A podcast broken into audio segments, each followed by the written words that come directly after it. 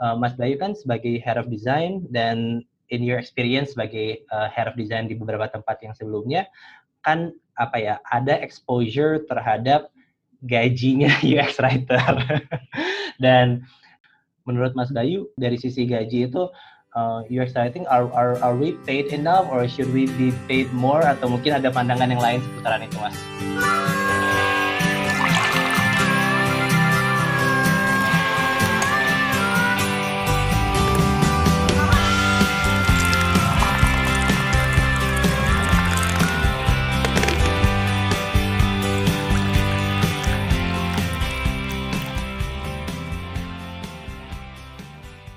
Mas Bayu, uh, terima kasih sebelumnya nih dan selamat datang di Warung Kopi. Thank you, Edwin. Ini kalau boleh ceritanya sedikit tentang Warung Kopi, basically Warung Kopi adalah warungnya anak-anak konten yang sering uh, aku invite itu UX writers. Nah, cuman karena belakangan ini kebanyakan yang kami undang itu UX writers dan UX writing itu sendiri masih baru gitu kan Mas ya dibandingin sama raw UX yang lain. Jadi penasaran juga nih kalau misalkan kami undang yang non UX writers yang kita report tuh head of desainnya perspektifnya sebenarnya gimana sih terhadap masa depannya uh, UX writing? Let's say maybe in the three or five years or maybe ten years. Nah tapi sebelumnya nih mas uh, sebelum lompat ke topiknya mungkin boleh nih mas kasih short introduction tentang uh, mas Bayu profilnya mas Bayu. Oke okay, uh, Selamat malam teman-teman dari Warung Kopi. Perkenalkan nama saya Bayu. Saat ini saya menjabat sebagai Head of Product Design-nya untuk Ruang Guru. Sebelum itu aku jadi senior lead, senior design lead di Traveloka.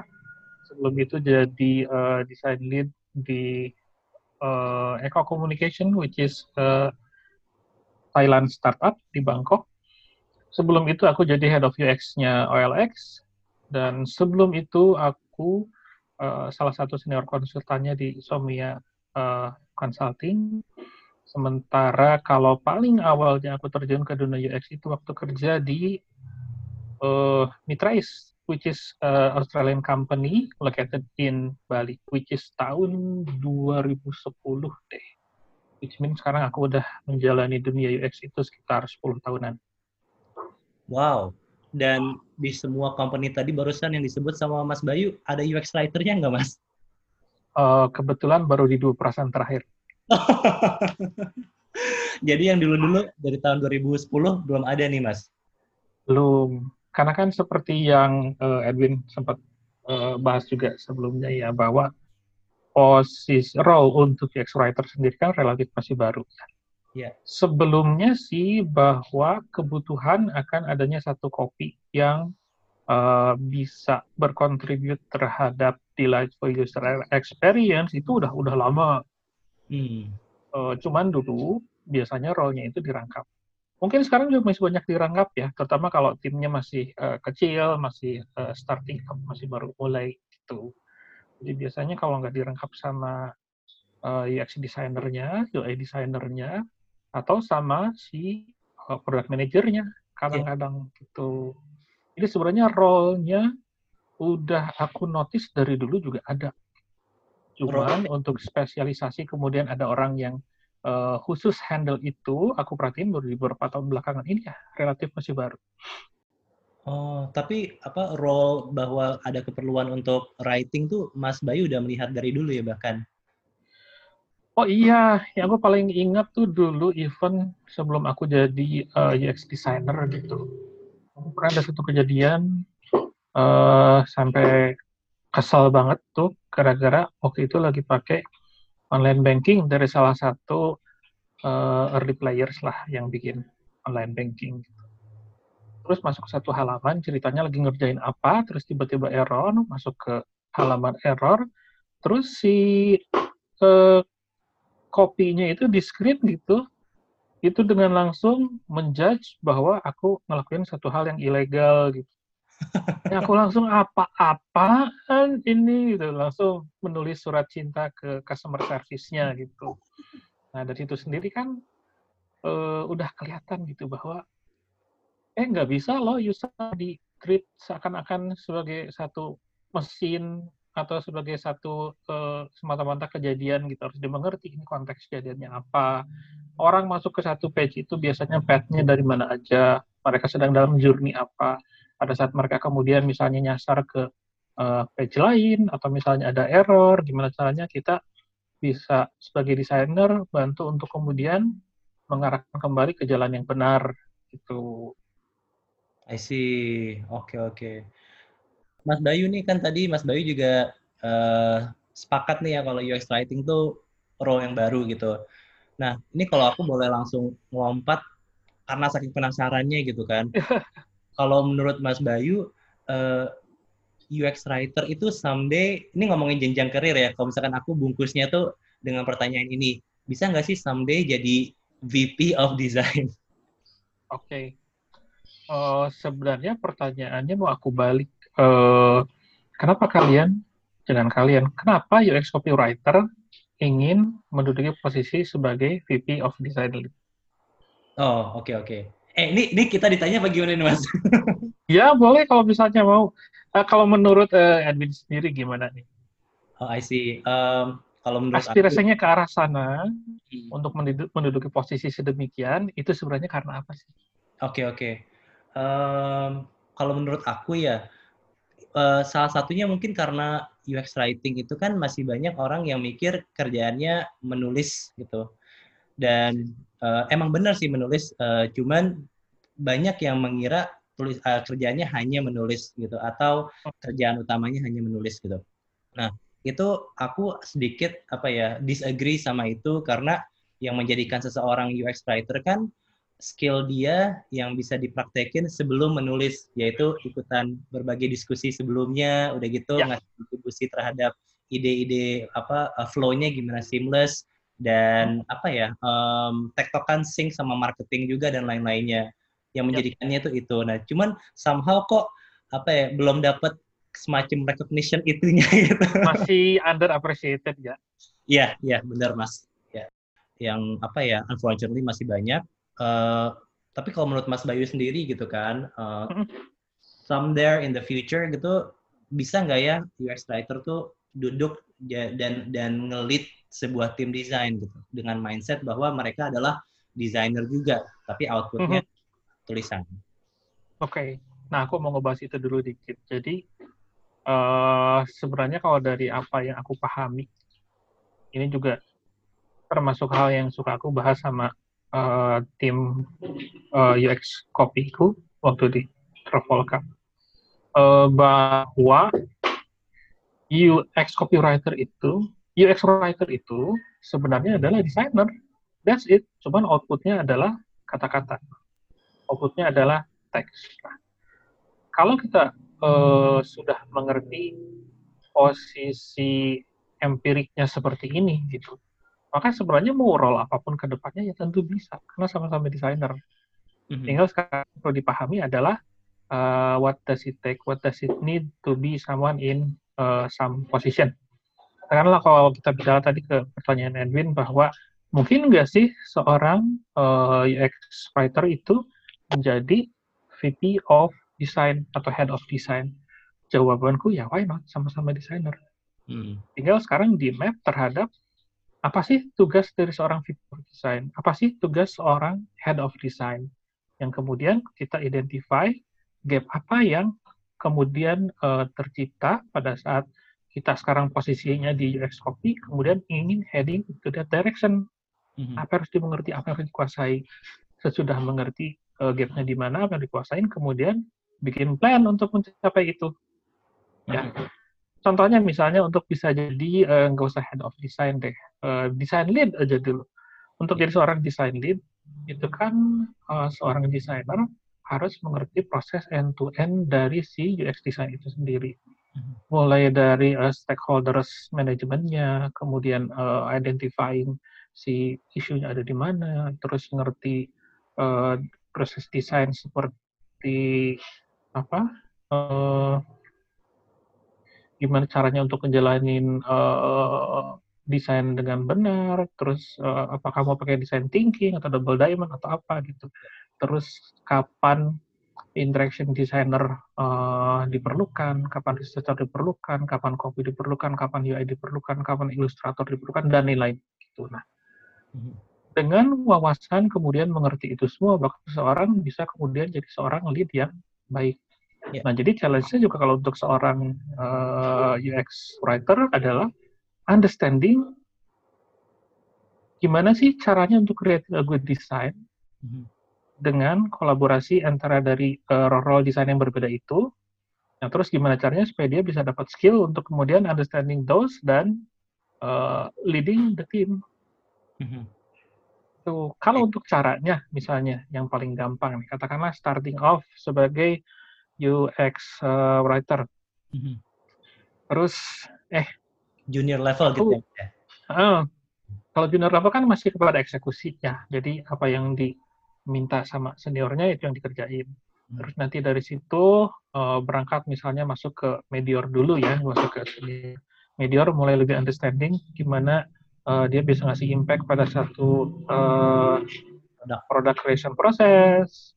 Terus kemudian mulai ikut uh, terlibat misalnya, eh ini anak-anak UI lagi butuh bantuan untuk uh, bikin prototype nih, gue bantuin. Ah, gitu. Jadi tanpa harus actually misalnya uh, menguasai dulu skill set untuk UI design gitu. Kalau kita paham dinamika kerjanya seperti gimana, terus kita understanding how does it orchestrate into uh, one uh, good product design process gitu. Dari itu udah sangat mungkin untuk jadi lead mhm. dan seterusnya ke atas gitu. Dan uh, contoh seperti ini banyak sih ya. Kalau kemarin di Traveloka pun, uh, Dirk juga mungkin tahu, itu di salah satu bisnis unit kita itu ada uh, product manajernya, head of product sebenarnya, yang kemudian merangkap juga sebagai head of design. Oh. Apakah dia ngerti cara ngedesain? Mungkin enggak. Tapi dia ngerti gimana sih desain bisa contribute to the whole product development process. Mm-hmm. Itu yang krusial. Ya, jadi sebenarnya untuk seseorang dari uh, seorang UX writer, untuk jadi lead, untuk jadi manager, untuk jadi head, untuk jadi VP is very, very possible. Hmm. Tinggal how to identify the gap-nya, lihat apa yang dibutuhkan untuk uh, meraih satu posisi, terus di plan gimana caranya untuk uh, closing that gap. Uh, realitanya, realitanya gimana Mas Bayu sampai sekarang ini? Uh, apakah kebanyakan yang di yang ditemuin sama Mas Bayu ini tipe-tipe UX writer yang emang punya mindset seperti tadi yang Mas Bayu bilang atau kebanyakan masih ya apa ya hmm, terlalu fokus di writing aja sehingga di soal design thinkingnya tuh belum belum kebentuk gitu. Sekarang tuh condong ke mana ya Mas ya? Kalau di timku yang sekarang, ya aku rasa juga uh, para lead lain juga yang sudah uh, memahami color dari si UX writing-nya itu seperti ini akan kemudian menciptakan satu sistem sehingga uh, yang masuk ke timnya ya memang orang-orang yang memiliki kualitas kayak gitu. Kemudian akan menciptakan satu sistem di mana orang-orang yang kemudian bisa keterima di timku itu memang orang yang uh, punya design mindset, bukan sekedar writing mindset. Uh, kenapa? Karena seperti tadi uh, Elvin sempat juga di awal gitu ya bahwa uh, untuk bisa jadi seorang UX writer itu outputnya nggak semata-mata kemudian apa yang ditulis, tapi harus ada juga pemahaman mengenai usernya gimana. Menurut Mas Bayu, kira-kira kandidat UX writer yang ideal tuh kayak apa sih? Uh, dari sekian banyak interview yang aku lakuin untuk nyari uh, eh, UX uh, writer itu, satu hal yang konsisten aku temuin adalah mereka yang bagus at uh, UX writing itu, mereka punya empati yang bagus. Hmm. Uh, dia mengerti bagaimana memanfaatkan si empati itu untuk menjadi power dia untuk understanding user context more. Kemudian how to translate it into insight. Baru masuk ke writing-nya. Gitu. Jadi kalau yang misalnya bisa nulis bagus, banyak. Tapi yang kemudian mengerti bahwa how to uh, create that craft, basisnya dari mana, itu uh, biasanya orang-orang hanya orang-orang yang punya empati yang bagus karena kadang ada-ada aja ada aja gitu yang misalnya kenapa kamu mau jadi uh, UX writer wah karena posisinya keren gitu. itu nggak ide ya oke okay, keren yes uh. tapi kan uh, kita harus mengkomunikasi juga value gitu kan. Itu.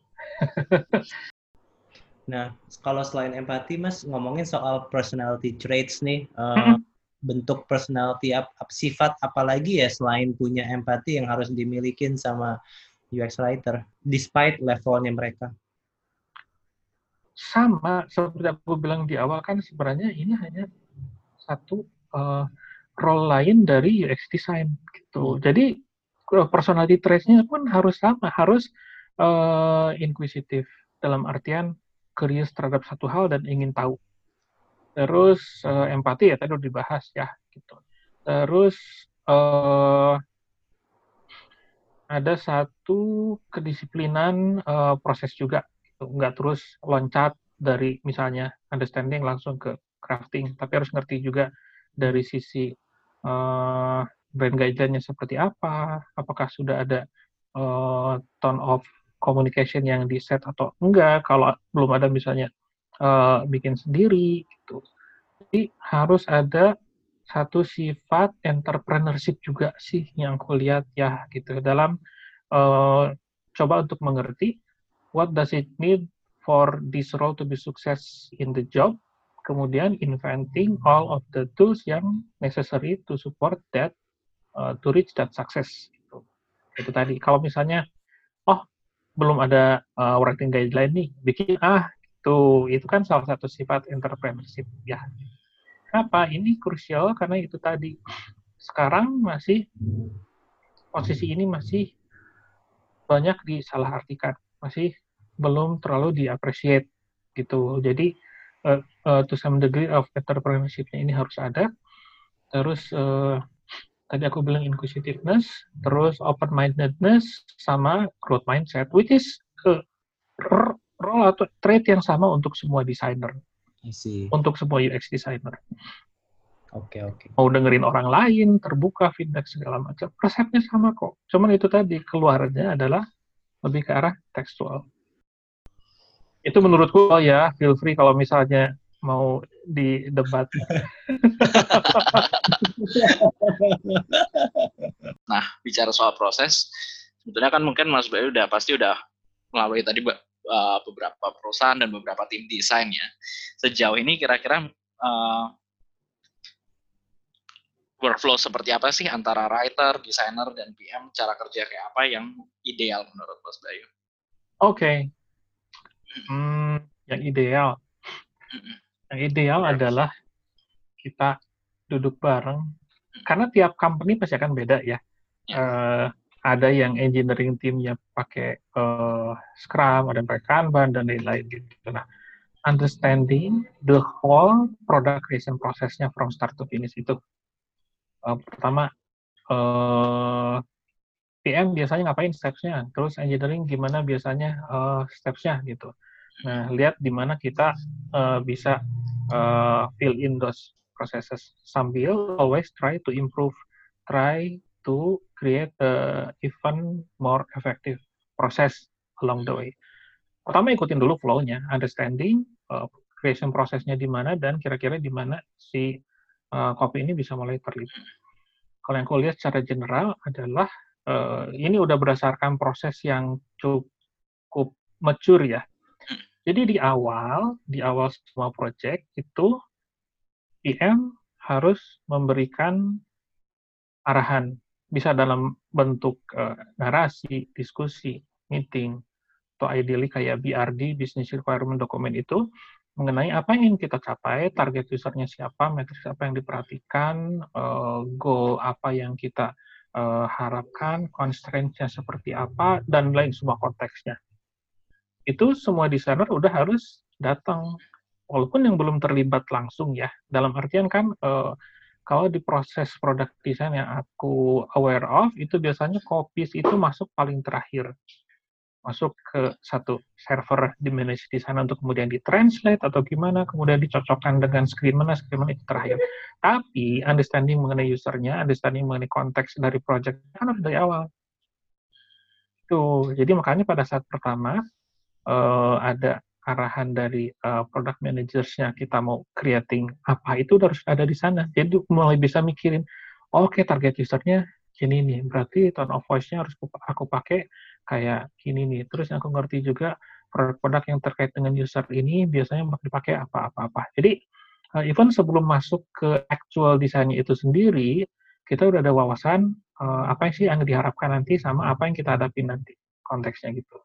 Terus kalau lebih pada sisi teknikalnya adalah pada saat kita misalnya masuk ke arah prototyping lah misalnya. Itu sudah harus mulai dipikirkan kira-kira kopinya apa yang cocok.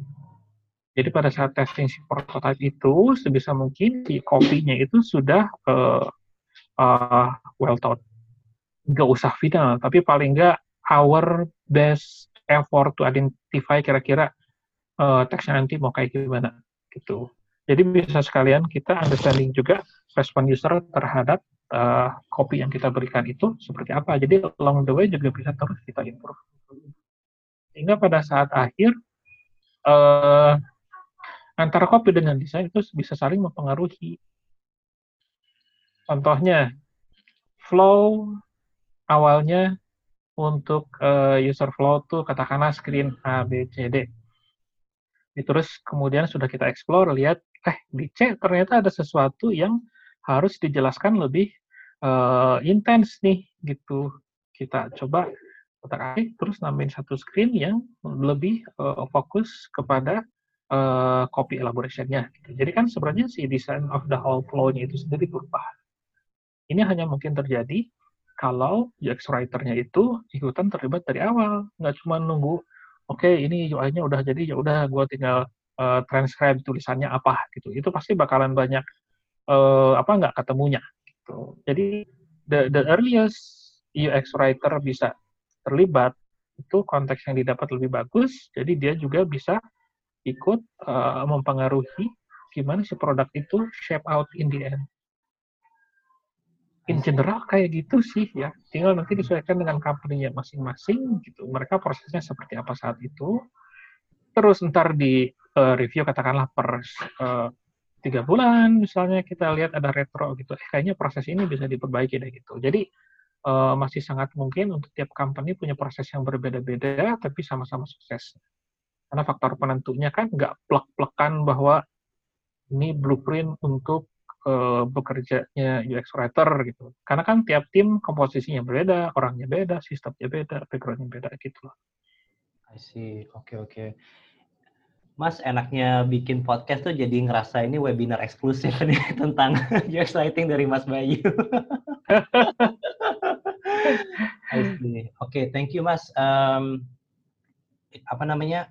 Kalau based on experience itu kan emang sih ada UX writer yang yang joinnya itu di di ujung dari sebuah workflow gitu kan Mas. Triggernya kenapa bisa kayak gitu? Salah satunya adalah rasionya tuh kayaknya masih masih unequal gitu. Kan most companies pasti desainersnya dia lebih banyak dibandingin jumlah uh, writernya gitu. Nah, yeah. Ya. uh, kalau menurut pandangan Mas Bayu, uh, rasio yang ideal itu kayak gimana sih? Dan kalaupun rasionya lagi unequal gitu kan, writernya lebih dikit, nggak apa-apa nggak kalau misalkan mereka nggak ikutan dari awal gitu, karena nggak hmm. ada waktunya. Contohnya gitu harus make time sih kalau aku ya. Jadi lebih pada gini, hmm, kalau misalnya masuk baru terakhir, it's still doable yes, untuk some project tapi ya gitu. Kalau yang uh, sifatnya misalnya cuman gradual improvement, ngerubah beberapa screen, tapi nggak ada perubahan uh, approach dari si desainnya itu sendiri, ya it's it's it's well very doable gitu. Tapi kalau misalnya untuk proyek-proyek yang uh, istilahnya tuh kayak uh, fog atau uh, movie making kalau ngambil uh, termsnya Eddie Obeng itu itu harus ikut dari awal walaupun mungkin minimum min, uh, paling nggak untuk ngerti konteksnya dulu si proyeknya ini mau ke arah mana itu karena untuk hal-hal yang masih uh, perlu banyak uh, saving shaping dan pertukaran pikiran gitu. Kalau kopi nggak ikut terlibat, itu nanti hasil akhirnya biasanya tipang. Entah kerasa banget tempelan doang si kopinya itu, gitu. Atau malah nggak uh, efektif. Sayangnya gitu. Jadi ini kembali kemampuan dari si lead-nya juga untuk kemudian understanding bahwa hey ini proses yang emang krusial, let's make time for it. gitu. Kalaupun misalnya ada masih ada keterbatasan resource ya langsung buru-buru di identify kebutuhannya kita perlu nambah berapa orang nih untuk bisa bikin proses yang uh, apa make sense untuk bisa uh, ngasih workload yang uh, ideal gitu ya mm-hmm. jangan sampai overstress terus ntar nggak bisa uh, perform atau ya terus santai juga nggak mungkin kalau di tempat Mas Bayu sekarang di, di tempat kerja Mas Bayu uh, yang interview UX writer tuh langsung dengan Mas Bayu eh oh, sorry yang Mas apakah Mas Bayu yang langsung interview UX writer atau ada uh, lead leadnya uh, apa di, di timnya Mas Bayu? Hmm, di tim aku itu di bawahku belum ada uh, lead. Mm-hmm. Karena kalau di ruang guru ini timnya sendiri masih uh, baru banget terbentuk. Jadi kita masih uh, growing dari sisi organization, masih hiring sana sini. Nah, tapi intinya bahwa kalau dari sisi proses rekrutmen, kita di depan itu kedepankan dulu untuk si technical skill-nya pengen tahu apakah uh, untuk produce ini benar-benar sudah ada uh, capacity ke arah sana sesuai dengan levelnya ya apakah misalnya junior, medior atau senior gitu. Uh, kenapa? Karena timku masih sangat kecil. Jadi nggak bisa untuk hire seseorang yang benar-benar junior karena jadinya nanti kita nggak punya waktu untuk training. Jadi harus nyari pertama ini yang sudah medior atau senior supaya bisa bantu set up the practice. Nah, untungnya kalau di guru itu sudah ada uh, eh, UX copy yang uh, sudah berpengalaman dan ngerti banget produk kita, uh, para, itu kemudian dia yang jadi gate pertama untuk identifying mana yang kira-kira nih hasil kopinya uh, oke, okay. mana yang kira-kira hasil uh, kopinya bisa di develop untuk sesuai dengan style kita dan lain gitu. Jadi pada saat nyampe ke itu sudah dengan review uh, Mas, menurutku orangnya gini gini gini gini, rekomendasiku gini gini gini gini. Terus aku cross check, lihat kalau misalnya agree, kalau misalnya enggak ya kita discuss lagi di situ poinnya. Kalau terus kemudian kita anggap oke, okay, ini uh, bisa terus ke tahap berikutnya gitu, nah baru aku yang interview. Laku interviewnya lebih ke arah seberapa potensial orang ini untuk dididik, seberapa potensial orang ini untuk kemudian bisa contributing to our uh, process, to our impact creation. Oke. Okay. Termasuk kayak karakter, kebiasaannya, personalitinya, mimpi-mimpinya, pengalamannya segala macam. Ya itulah seperti aku bilang tadi di awal kan mirip kayak untuk uh, user interview kita nggak bisa ngasih pertanyaan yang uh, leading ya, tapi coba understanding dari casual conversation aja. Oh si orang ini ternyata punya track ke arah sini sini sini gitu. Hmm, I see. Tipe-tipe pertanyaan yang lebih sulit untuk dijawab dibanding technical skills ya mas. Oke oke. Bener loh buat ini ya buat buat aku personally sih. Sebenarnya kayak gitu nggak usah takut salah ya dalam artian gini loh. Kalau ternyata kecocokan uh, kita sebagai pelamar dengan satu company itu kecocokannya rendah gitu, dipaksain juga entar mental. Hmm. Aku ngelihatnya gitu sih, gitu. Daripada kita trying to fake atau trying to make up things gitu. Terus in the end nanti cuma dikerjanya tahan misalnya uh, sebulan gitu. Kan yang rugi sama-sama. Yang yeah. ngelamar rugi, yang dilamar juga, waduh, gue harus nyari lagi gitu. Jadi mendingan uh, mendingan ya be truthful, present the most optimist version of you. Ya, kebayang. Karena atau in the end kan yang kita butuhin orang yang bisa kerjasama untuk creating impact. Ya. Gitu, that's the point. Kamu bisa kerjasama atau enggak sama timku yang sekarang. Gitu. I see. Oke, okay, oke, okay, oke. Okay. Nah, ini ngomongin interview, Mas. Buat UX Writer di Ruang Guru, lagi hiring nggak? iya, ini kita mesti cari ini. Nanti aku share uh, linknya tapi bisa dicari di ruang guru uh, karir ya. Um, ini balik lagi ke persoalan bahwa UX writing itu masih baru ya mas. Hmm? Uh, menurut pandangan Mas Bayu tuh untuk tim yang skalanya lumayan gede lah, uh, udah lumayan banyak desainernya dan dan writernya pun juga lumayan banyak. Jadi bisa dibilang cukup equal gitu kan. Menurut Mas Bayu, UX writer itu uh, idealnya report to lead uh, UX writer, jadi seorang lead yang punya background UX writing atau langsung ke design lead atau product design lead gitu. Oke, okay. itu kembali ke strukturnya. Jadi kan uh, sebenarnya regardless dari nama posisinya apa, apakah itu lead, apakah itu manager, apakah itu head gitu. Yang pasti yang junior report ke yang senior, senior nanti report ke yang lebih senior lagi. Intinya kayak gitu. Nah, sekarang dari situ bisa kemudian kita lihat juga strukturnya. Kalau memang baru ada satu orang atau dua orang atau even tiga orang gitu yang ngerjakan uh, eh, UX writing ini, tapi kemudian belum ada yang senior, terus si design lead-nya capable, ya udah langsung report ke design lead-nya. Paling nanti uh, lead-nya akan kemudian ngeliat gimana caranya nih supaya tim ini bisa terus uh, growing. Karena kalau lead yang baik pasti understanding juga limit dia di mana sih untuk nge-grow timnya. Terus mulai cari uh, facilitation entah apakah hire orang, entah apakah bikin kursus, bikin pelatihan, uh, ngikutin workshop dan lain-lain gitu. Nah, begitu kemudian dirasa, eh kayaknya tim gue perlu dikembangin lagi nih, atau misalnya perlu ada counterpart buat aku uh, mikirin kopinya sama lebih senior nih. Nah, baru di hire posisinya apakah itu lead atau senior. Jadi uh, secara empiriknya sih uh, kayak gitu. Terus kalau dari sisi komposisinya berapa yang ideal itu sangat tergantung pada uh, nomor satu yang biasanya paling matters itu uh, size of engineering team. Mhm. Kenapa? Karena ujung-ujungnya mereka akan yang creating uh, apa crafting the produknya sampai launch itu mereka.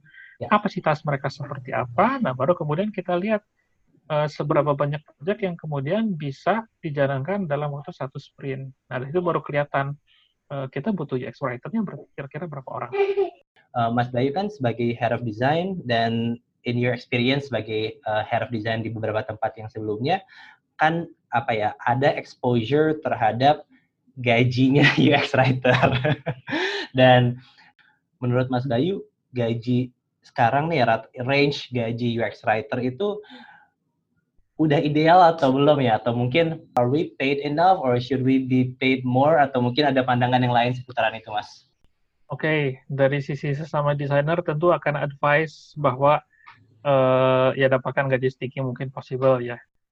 Kalau selama ini aku experience ya, itu nggak ada perbedaan. Misalnya, wah kopi mah nulis doang, gue ngegambar, gambar lebih susah, lebih lama banding kopi. Jadi harusnya kalau uh, eh, UX writer nggak usah dibayar setinggi UI designer misalnya. Ya nggak juga gitu. Kan intinya adalah time spent untuk crafting itu seberapa banyak. Itu effort yang tertuang. Regardless posisinya apa, gitu. Kalau memang kita expecting di a certain level of uh, kompetensi, ya itu gaji yang harus kita uh, bayarin. Dan dari dua company yang uh, terakhir ini aku intensely involved with uh, UX writer itu, standar gajinya itu kurang lebih sama ya, range-nya sama. Jadi kita lebih ngebagi pada grade berdasarkan uh, pengalaman kerjanya berapa banyak, terus uh, pengalaman sebelumnya itu di mana aja. Ya misalnya gaji sebelumnya berapa itu juga uh, really really matters. Ya. Selebihnya akan kemudian ada deviasi beda-beda dikit sih kalau di range yang sama. Jadi yang lebih krusial itu sebenarnya untuk menentukan seseorang itu se sekarang ada, sedang ada di jenjang mana, apakah junior, medium, senior, lead, dan sebagainya.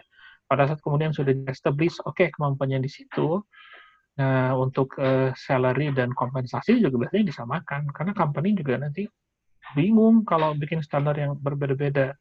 Terus praktiknya best praktiknya sekarang kalau untuk yang di uh, startup apalagi yang udah uh, unicorn itu biasanya dari sisi salary itu udah terstandarisasi. Jadi tinggal kita find out si orang ini sebenarnya ada di development stage mana, ada di grade mana. Itu yang lebih ngaruh.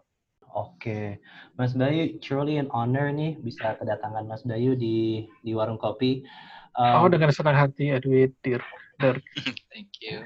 Iya karena karena mostly yang tadi aku bilang ke Mas Bayu kan mostly kan kita uh, episode yang udah kita naikin itu adalah UX writers uh, satu dari Melody, Blibli, VP Design dan hopefully nih ya calling out Monica Halim juga di Momo bisa ikutan. Ayo mau. cool, thank you Mas Bayu udah Thank you mampir. banget, Mas Bayu. Kopi. Thank you guys atas invitationnya ya. Ini uh, very enlightening ngobrol dengan uh, kalian. Semoga teman-teman di rumah yang ikut dengerin juga dapat manfaatnya. Sip. Thank you Mas Bayu. Bye bye. So, bye. Bye.